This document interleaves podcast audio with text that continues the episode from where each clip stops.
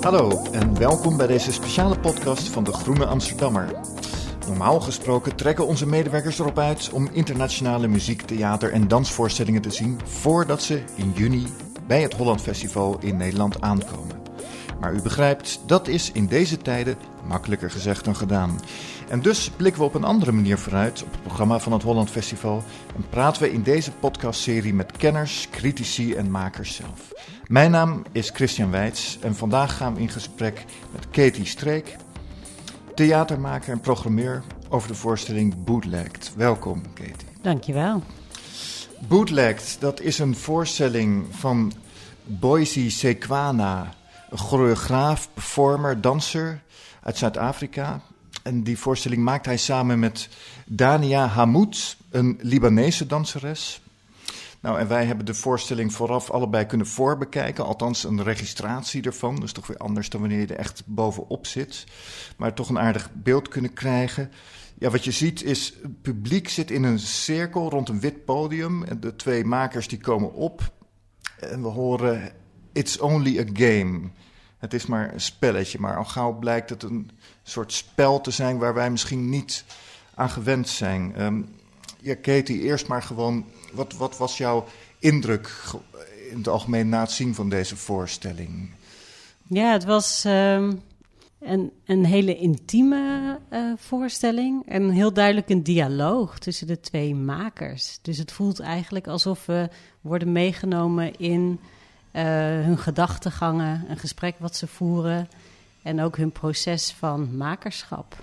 Ja, ja. en um, ja, misschien om iets te schetsen van de achtergrond van, van, van bijvoorbeeld deze Boise. Um, je hebt zelf ook vijf jaar in Zuid-Afrika gewoond en gewerkt, dus misschien kun je iets vertellen over, over de context waar dat werk uit voortkomt. De, deze Boise Sequana bijvoorbeeld, die is, dacht ik, in die in de kunstscene daar een behoorlijk bekende figuur, moet ik dat zo zien? Ja, dus, ja, dus ja, Boise is wel een van de bekende namen in Zuid-Afrika. En ik denk dat zijn werk altijd een bepaald uh, politiek engagement meebrengt. Uh, ik vond het ook wel mooi bij een quote die hij gaf uh, over zijn werk The Last King of Kap, Kakfontein. Dat was een eerder werk dat voor hem um, politiek en kunst nooit gescheiden is. En dat is denk ik ook iets wat zijn werk kenmerkt. Dat je ook ziet in zijn eerdere werk, The Last King of Kakfontein... Uh, waarin hij heel erg kritiek geeft op, uh, in dat geval, uh, de voormalige president uh, Jacob Zuma en die positie van macht. En ook eigenlijk in zijn, deze voorstelling zie je dat weer met Bootleg, dat ze heel erg kijken naar die ehm, thematiek en eigenlijk ehm, reactie op wat er in de maatschappij gebeurt. Ja, ja misschien over, over die thematiek. Uh, misschien beginnend bij de titel, dat bootlegged. Dat, dat verwijst naar een praktijk waarin in Amerika, in het Midwesten van de jaren 1880, gebruikten mannen hun laarzen om daar flessen alcohol in mee te smokkelen. Ook wanneer ze bijvoorbeeld handel gingen drijven met de Native Americans. En het idee was dat het een hele effectieve strategie was. Dan kon je ze wat te drinken geven, een beetje bedwelmen. Nou, en dan uh, kon je die opstandigen wel een beetje neutraliseren. Dus bootlegging. Dus daar zit al een beetje die confrontatie van, van uh, de westerling en de vreemdeling, zullen we maar even zeggen, in. Maar ook vooral het idee van, van smokkelen. En, en deze makers zelf die stellen dat ze altijd erg veel moeite hebben moeten doen om eigenlijk hun ideeën de andere kant uit te smokkelen. Om vanuit het Afrikaanse continent uh, hun ideeën de westerse wereld in te helpen. En dat het nogal op weerstand stuit. Begrijp jij die weerstand en wat voor soort weerstand heb je dat? Ja, ja zeker. Of uh, wat je heel erg ziet in deze voorstelling is dat ze eigenlijk vanuit hun posities vanuit Afrika, maar ook het Midden-Oosten, dat ze dat heel erg centraliseren en dat ze ook heel scherp laten zien hoe juist die plekken in de wereld vaak um, gezien wordt als er zijn heel veel stereotypes rondomheen. En dat zij als makers of als kunstenaars heel duidelijk een stem moeten laten horen waarin ze dat uh, eigenlijk tegenspreken of een andere uh, stem laten horen. Daar begint het ook mee, geloof ik. Hè? Dan zitten ze eigenlijk, of ze kruipen over die vloer heen en zijn een beetje aan het overleggen. Ook over het proces van naar dit festival toekomen. Van nou, hoe zullen we gezien worden? Ehm, wat voor beelden zijn er vooraf al bij het publiek? ja. Ja, want ook voor kunstenaars begint het soms al met het proces van een visum aanvragen. Dus ja, ja. de weerstand of het gevoel van vijandigheid of het wat zij zeggen othering. Dus dat je eigenlijk als maker van uit het buitenland gezien wordt als uh, bijna een bedreiging. Dus je moet er allerlei formulieren invullen. Je moet al laten zien dat je geen bedreiging vormt. Dat je geen terroristische. Uh, ja, die vragenlijst, hè, daar begint het mee. Ja, ben je van plan om een terroristische aanslag te plegen? En daar gaan ze ook met een beetje humor in. in eh, gaan ze ermee aan de slag van. Ja, alsof iemand die dat van plan is zo, zou aankruisen. Ja hoor, dat ben ik van plan. Ja, precies. Ik ga een terroristische aanslag plegen. Ja, dus eigenlijk dat bootleg wat ze, waarin ze zo te horen ook heel erg uh, het van belang vinden om hun eigen stem te laten horen en andere verhalen te laten horen die juist die dominante, vaak witte uh, narratief weerleggen. Ja, en, en, en uh, wat, wat willen ze eigenlijk daarmee? Want het publiek zit daar en die krijgt dus te horen van ja, ze zullen wel dit en dat over ons denken. Is dat, wordt, wordt ze een spiegel voorgehouden? Het, het lijkt me ook een beetje confronterend, omdat wij kunnen het vanaf, als een registratie vanaf een afstand kijken. Maar als je daar zit, dan word je toch op een bepaalde manier aangesproken en erbij betrokken. Die, die, die ja, ze hebben, op een bepaalde manier ongemakkelijk voelt. Ook hoe ze beginnen met die capuchons op, zie je zo aankijken. Ja, en hoe ze eigenlijk, ze komen ook op met een soort uh, mondmasker. Of uh, hoe, hoe je ook verborgen zit achter uh, wat je draagt. Of hoe je ook in een tijd van corona eigenlijk verstopt zich achter uh, dat je niet zo goed ziet van met wie heb ik nou eigenlijk te maken. En het is heel mooi in de voorstelling hoe het publiek er zo omheen zit en hoe ze het ook hebben over witnessing. Dus hoe zij eigenlijk een soort toeschouwer een, uh, zijn tot het verhaal. En je ziet ook dat ze echt contact maken met het publiek. Dat ze heel erg vragend of... Um, ja, ze, ze, ze spreken het publiek heel direct aan. In ieder geval in hun blik. Uh, dus zij worden eigenlijk toeschouwer van het verhaal. Zij worden medespeler uh, uh, in die voorstelling. Dus het is heel dicht op de huid. Ja. En heel confronterend daarin ja, ook. Ja, ja, ja, ja. En dat zou dus ook een manier zijn om die, die weerstand waar we het eerder over hadden... om daar doorheen te komen misschien, of om daar iets in te veranderen. Dat, ik had begrepen dat jij dat zelf ook met bepaalde projecten doet. Je werkt nu aan uh, Sites of Memory. Dat is, als ik het goed begrijp, locatietheater dat een beetje gaat over het koloniale verleden. En uh, misschien, is, ja, zit, misschien zit daar een parallel met, uh, met, met, dit stuk. Ja, ik denk dat, of tenminste, ik vind het werk wat zij hebben neergezet heel inspirerend. En in zekere zin ook wel uh, herkenbaar. Omdat ook doordat ik vijf jaar in Zuid-Afrika heb gewerkt en gewoond. En ik heb daar mijn studie gedaan. Merkte ik ook heel erg, werd ik eigenlijk heel erg geconfronteerd met mijn eigen witheid, met mijn eigen privilege, met mijn eigen geschiedenis. Dus uh, de Nederlandse geschiedenis in verhouding tot Zuid-Afrika en dat wij, een, uh, dat wij het gekoloniseerd hadden, daar was ik me daarvoor eigenlijk vrijwel niet van bewust, omdat we dat niet leerden op school. Of, uh, dus, dus die, daar, toen ik daar woonde, was dat opeens iets waar, waar je niet onderuit komt en wat in de Zuid-Afrikaanse maatschappij ook heel erg wordt besproken. Um, dus eigenlijk die politieke engagement en de gesprekken daaromheen, die uh, worden daar veel gevoerd. En ook binnen de kunsten. Uh, en juist werk um, in een. Uh, juist eigenlijk werken wat niet traditioneel in een theater is, waarin het in de publieke ruimte is, of in dit geval dus met het publiek in een kring eromheen, dat confronteert het publiek ook met hun eigen rol in het verhaal. Dus het is iets minder dat je achterover leunt en het verhaal over je heen laat komen en dat je als anonieme toeschouwer het kan toehoren, maar je wordt eigenlijk medespeler of je wordt echt een, je krijgt een actieve rol in het verhaal. En wordt ook, geconfronteerd met. Niet, of ook al wil je dat niet, moet ik zeggen. Dat je ja, precies. Eh, ja. En eigenlijk komt dat ook uit een traditie van storytelling. In, of in ieder geval in de Zuid-Afrikaanse context was het vroeger ook zo dat er verhalen werden gedeeld in een kring, in een gemeenschap. Waarin er echt rondom een vuur of gewoon in een buurt uh, verhalen werden gedeeld. En zo van generatie op generatie werden gedeeld. Dus dat, die traditie van verhalen vertellen is daar heel sterk. En in dit geval dat het dus niet per se in een theater hoeft, maar dat het bijvoorbeeld ook juist heel toegankelijk in de publieke ruimte plaatsvindt, maakt het ook toegankelijk voor een breder publiek. En binnen onze, eigen, binnen onze eigen voorstellingen werken we ook in de publieke ruimte. Dus dan uh, nemen we het publiek mee, uh, in dit geval in Amsterdam, van het Joods Historisch Museum naar het Scheepvaartmuseum. En het is een voorstelling over de koloniale geschiedenis en de gedeelde geschiedenis tussen Zuid-Afrika en Nederland. Ja, maar juist door het publiek mee te nemen op een wandeling door de stad, worden ze geconfronteerd met de locaties, de verhalen. Uh, die ze misschien niet kenden. Dus, Want ik moet me dan voorstellen dat daar staan dan mensen die die verhalen vertellen. Dus dat hou je eigenlijk die, die cirkel zoals je die beschrijft, die, die, die laat je eigenlijk daar plaatsvinden. Eh, ja, dus, we, ja, dus we, nemen het publiek echt mee in de publieke ruimte. En we, um, in dit geval vanwege corona, luisteren ze vooral naar uh, audioverhalen ja, gedurende ja. de route. Maar wordt het ook onderbroken door live optredens. En dan staan we daar inderdaad... Uh, voor Hortus of in het Scheepvaartmuseum. En um, brengen de, de spelers live voorstellingen in, in die ruimtes. Maar daardoor is er echt een dialoog met de locatie, met de stad. Is het een plek waar je misschien dagelijks langs fietst en nooit wist over welke koloniale geschiedenis daar achter schuil ging. Ja, ja. Um, kijk, en de, de bedoeling van die verhalen vertellen Althans, zoals deze in, in Bootleg het geval is, zeggen de makers van wij proberen om een collectief verhaal te creëren en te schrijven in een tijd waarin alles wat gemeenschappelijk en gedeeld is buigt onder de last van onverdraagzaamheid en vervormde versies van de geschiedenis.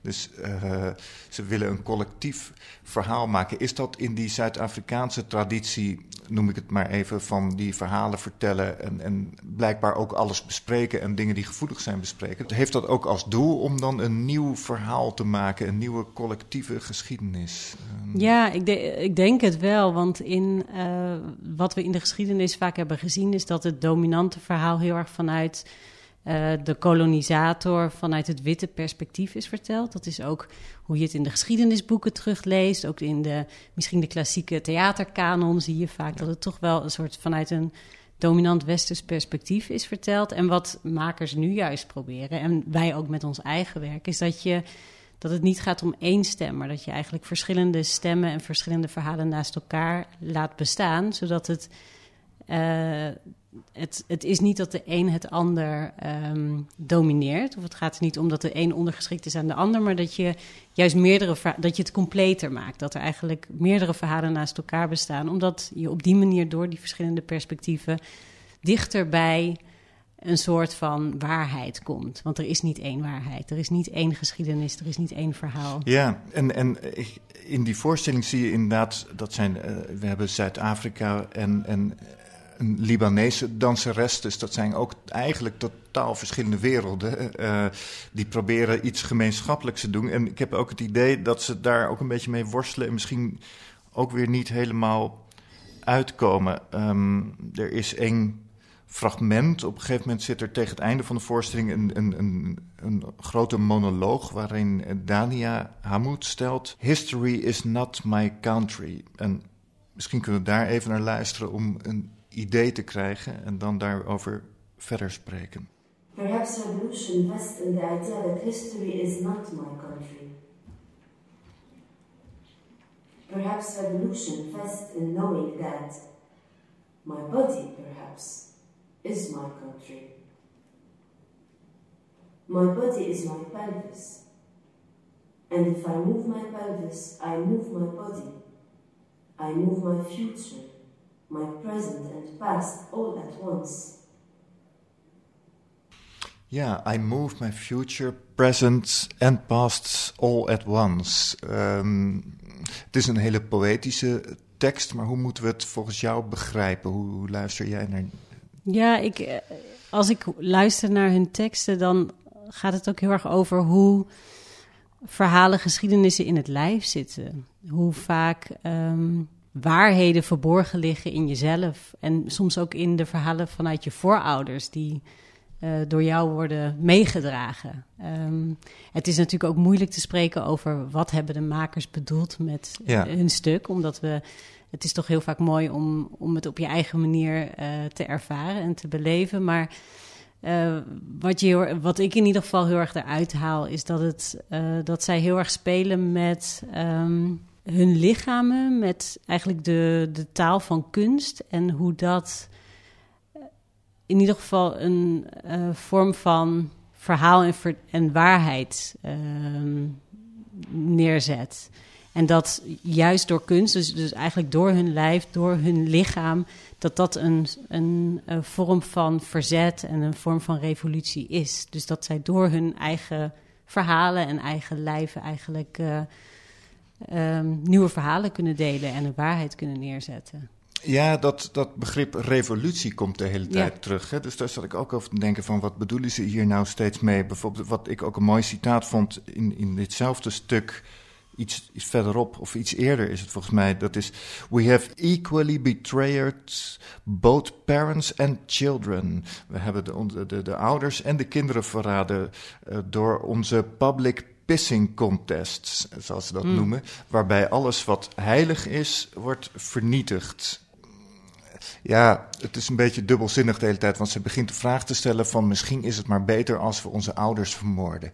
Nou ja, misschien moeten we dan ook onze kinderen vermoorden.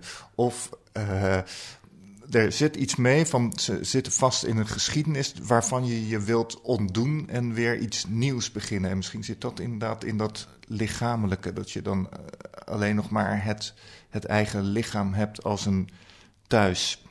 Ja, en het is ook, uh, ze, ze refereren ook met het liedje van Marvin Gaye, gaat het ook over welke verantwoordelijkheid draag je eigenlijk ten opzichte ja. van de wereld om je heen en de natuur en ook uh, in hoe je je verhoudt tot je eigen geschiedenis en wat je daarvan weet en hoe je je daarin herkent of wat je misschien wil erkennen. dus daarin geven ze niet zozeer een oplossing, maar bevragen ze wel heel erg, voor mijn gevoel, welke rol speel je daarin? In hoeverre sta je open om daarnaar te kijken, om daarnaar te luisteren, om daar ook actief een rol in te spelen? Ja, mijn interpretatie was ook dat uh, ze zijn dan op zoek naar een collectief verhaal, komen daar misschien niet uit. Maar wat er wel collectief is, en dat zit ook in dat lied van, van Marvin Gaye. Uh, dat is een soort schuldbesef over hoe we met aarde en milieu zijn omgegaan. En dat is misschien iets dat landen overstijgt. Dat, dat, dat daarin zit iets van dat collectieve verhaal waar ze naar op zoek gaan. En dan zijn ze ook aan het denken van welke muziek hebben we nodig. Nou, misschien iets van die, misschien iets van die. Nee, het moet een beetje groovy zijn. Het moet Marvin Gaye zijn. Ja. Misschien, uh, nou, dan moeten we daar maar eens naar luisteren om uh, daarvan in die groovy sfeer iets mee te krijgen.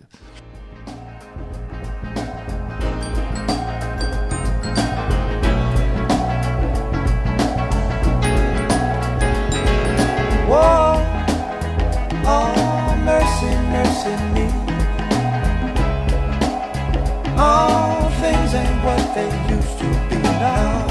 now. Where did all the blue skies go? Poison is the wind that blows from the north and south and east. Whoa, mercy, mercy me. All things ain't what they used to be now. Oil wasted on the oceans and upon our seas, fish of mercury. Oh, oh mercy, mercy me. All things ain't what they used to be now. Radiation underground and in the sky. Animals and birds who live nearby our lives. Oh, mercy, mercy me. All things ain't what they used to be. What about this overcrowded land? How much more will you from me? Can't you stand?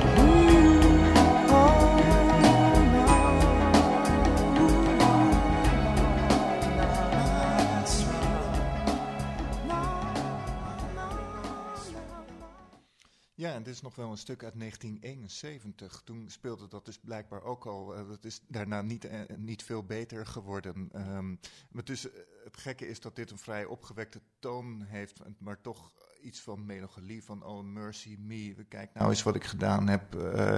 is, is het daarmee toch dit stuk bootlegged volgens jou een, een, een somber of een pessimistisch stuk? Nou, ik zou het niet echt pessimistisch noemen. Ik denk dat het wel vragen oproept en confronterend kan zijn. Ik denk niet dat het. Het, het, het is misschien ook juist hoopvol. Ik denk Mhm. juist dat het. ehm, als ik, zoals ik er naar kijk, voelt het wel als. eh, alsof zij, alsof Boise en Danja. eh, ons bewust maken van een rol die we kunnen spelen. En ook hoe je gezamenlijk, want het voelt ook heel erg dat hoe zij samen op het podium staan, dat ze door de dialoog die ze aangaan, dat je dan ook juist tot bepaalde soort van ehm, inzichten komt. Eh, in ieder geval door te erkennen dat we beter met ons milieu moeten omgaan, beter met elkaar moeten omgaan. Dat je op die manier hopelijk tot bepaalde inzichten komt. Maar voor mij is het, ik vind het juist heel hoopvol dat dat besproken wordt. Of dat dat in zo'n voorstelling naar voren komt. Omdat we er dan ook echt iets aan kunnen doen. Dat we ook als publiek daarop worden aangesproken. Of in ieder geval onszelf op aan kunnen spreken. Van oké, welke rol speel ik daarin? Dus ik vind het, ja, mij schept geeft het juist wel wat hoop. Ja. ja, zo kun je het ook zien, inderdaad. Ja, ja, ik, ik vond het lastig om, om, om, om het. Er zit toch een wat zware stemming omheen. Want dit was dan een wat lichter moment. Maar over het algemeen vond ik het toch wel vrij zwaar en, en ernstig. Eh, en- Ja, en je wordt ook als publiek, je voelt je ook ongemakkelijk. Want wat kun je Ja. doen? Je kijkt erna. Het zijn toch vaak eh, momenten, ook, ook rondom dit lied, waarin ze zichzelf niet meer staande kunnen houden. Waarin ze letterlijk eh, wegzakken. Ja, Of, eh, ja, en waarin ze elkaar ja. proberen overeind te houden. En dat is eh, juist met zo'n lied op de achtergrond voelt dat dan toch ook natuurlijk heel erg. Is dat heel moeilijk om naar te kijken.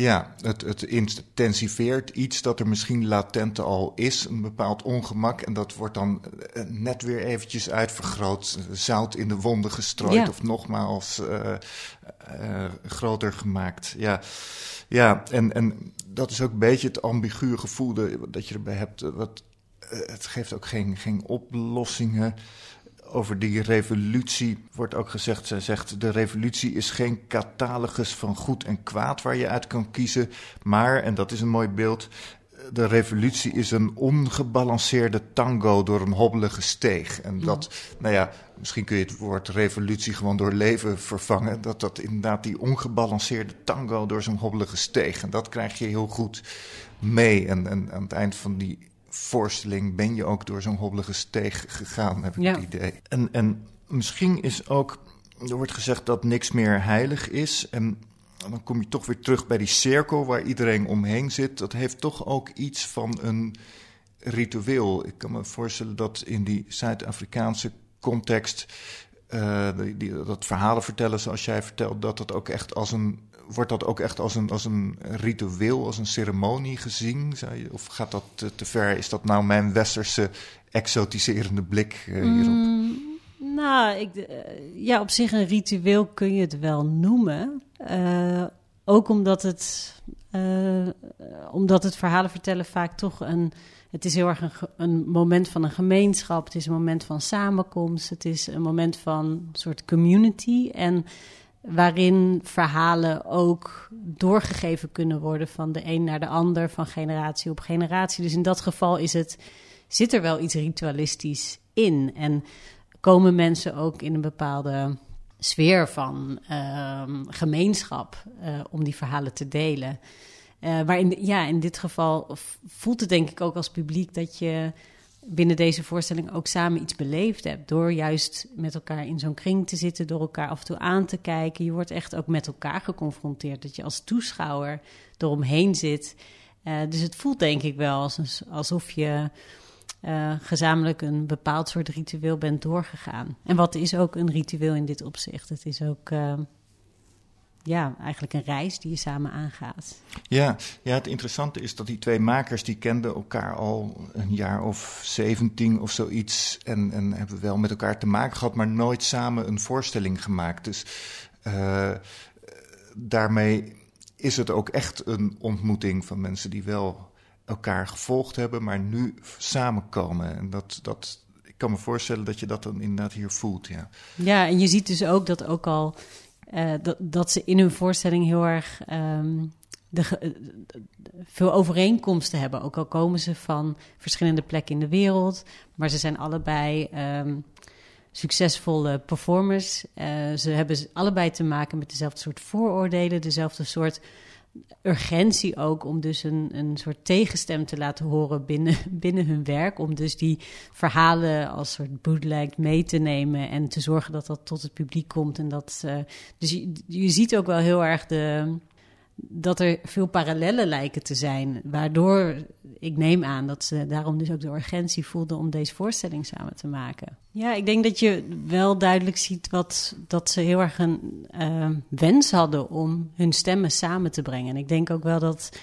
ehm, ik ben altijd heel erg gefascineerd door uitwisselingsprojecten. Ook omdat juist door twee stemmen samen te brengen van verschillende kanten van de wereld, dat je nieuwe verhalen laat zien. Dus dat het ook heel erg gaat om een perspectief, in dit geval vanuit Afrika, een perspectief vanuit ehm, het Midden-Oosten. Eh, en dat zij op die manier eigenlijk verschillende stijlen samenbrengen, maar ook dus tot eh, nieuwe artistieke ontwikkelingen komen. Omdat je eigenlijk performance samenbrengt, verhalen samenbrengt. En voor het Nederlandse publiek of voor het publiek voelt het altijd voor mij altijd heel erg als een spiegel. Dus dat je in dat opzicht te maken hebt met ehm, een spiegel die wordt voorgehouden vanuit hen om ook naar je eigen verhalen te kijken. Dus dat we net onze oogkleppen iets breder kunnen zetten om eh, naar onszelf te kijken en door middel van hun performance eigenlijk eh, te reflecteren op onze eigen wereld hier. Maar er zit altijd een enorme kracht in samenwerking, juist doordat je daarmee eh, verschillende ideeën samenbrengt en ook tot nieuwe verhalen komt. En als het vooral gaat over bootlegged en verhalen die meegesmokkeld worden, denk ik juist dat door die dialoog weer nieuwe verhalen naar boven komen. Dat je overeenkomsten ziet in elkaars werk. ehm, ja, die misschien anders best wel voor de hand liggend lijken. Of eh, waarin je dus ook ziet dat hoe de twee makers zich verhouden tot in dit geval het Westen. Dat, het toch dat zij zich daarin hetzelfde hebben gevoeld. Dat er een soort ehm, noodzaak dus was om te smokkelen. Omdat als je geen noodzaak hebt om te smokkelen, dan was er dus ruimte voor. Dan werd je uitgenodigd om je stem te laten horen. Dus blijkbaar zit in die fles die zij hebben meegesmokkeld, zit voor hun allebei een vergelijkbaar spul, zal ik maar zeggen, waarmee ze ons dan proberen eh, eh, ja, te bedwelmen of juist wakker te schudden misschien. Het, Ja, eh, ja. En, en, ik, ja, en ik vind het dus ook wel weer opmerkelijk dat, dat ze die, dat metafoor moeten gebruiken, dat het over smokkelen gaat. Dus dat er toch een bepaalde weerstand wordt gevoeld om de vrijheid te krijgen, om welk verhaal dan ook te delen. Het moet gesmokkeld worden. Ehm, Ja, het is niet iets van vanzelfsprekend van kom maar, breng maar wat je wil. Want ze, eh, ze hebben het idee, maar misschien is dat helemaal niet terecht. Is, is dat ook iets wat alleen in hun hoofd leeft? Van oh ja, we moeten ons wel aan deze westerse codes houden. We moeten het publiek brengen wat ze verwachten te krijgen. En eh, zelf willen we misschien wel iets anders vertellen en dan moeten we meesmokkelen. Maar is dat, zou dat ook niet iets zijn dat... dat ze zich ook maar in hun hoofd halen, om het maar even eh, plat te zeggen. Ja, ik denk in dit geval gaat het ook juist over hoe je niet kijkt naar wij, zij of othering, maar dat je het heel erg hebt over samen één verhaal vertellen. Dus, ehm, en daarin is het misschien ook juist mooi hoe ze het publiek in een, in een, in een kring eromheen zetten. Dat het echt gaat over dat we, dat waar je publiek ook is, eh, dat je altijd kijkt naar ehm, hoe herken ik mezelf in het verhaal. Uh, welk verhaal wil ik hierbij inbrengen? Uh, hoe zorgen we dat we tot een soort collectief komen in plaats van dat het gaat over een soort wij-zij? Ja. Um, dus ik denk dat dat heel erg mooi is, dat dat op die manier ook samenkomt. En dan is smokkelen waarschijnlijk wel de, de metafoor die je nodig hebt, omdat als je subtiel, dat is eigenlijk bijna een soort diplomatie. Want als je dan samen tot een verhaal wil komen, dan moet je niet gelijk al je kaarten open op tafel leggen van dit wordt het verhaal heel dominant, uh, zo gaan we het doen. Maar dan smokkelt eigenlijk iedereen iets mee en dat je een beetje onderhuids, ja. subtiel, uh, discreet bijna uh, dat tot stand laat komen. En dat is inderdaad wat je in deze voorstelling heel mooi ziet, hoe die uitwisseling bijna onderhuids, subtiel, met kleine woordjes, tekstjes en gebaren, komt dat dan tot iets ja. samen, wat, wat ook bijzonder uh, indringend is om te zien. ik hoop dat we nog veel van deze mensen zullen zien en dat we inderdaad veel meegesmokkeld krijgen. Uh, Dank je wel voor jouw toelichting en dat je dit hebt kunnen duiden, een beetje vanuit die context uh, van Zuid-Afrika en jouw achtergrond. U luisterde naar de podcast van het Holland Festival in samenwerking met De Groene Amsterdammer over de voorstelling Bootlegged. Productie en techniek waren in handen van Giselle Mijnlief en mijn naam is Christian Wijns. Holland Festival wordt mogelijk gemaakt door het ministerie van OCW, gemeente Amsterdam, productiepartner Amodo, hoofdbegunstiger Fonds 21, HF Business Partners, particuliere fondsen en vele vrienden. Bedankt voor het luisteren.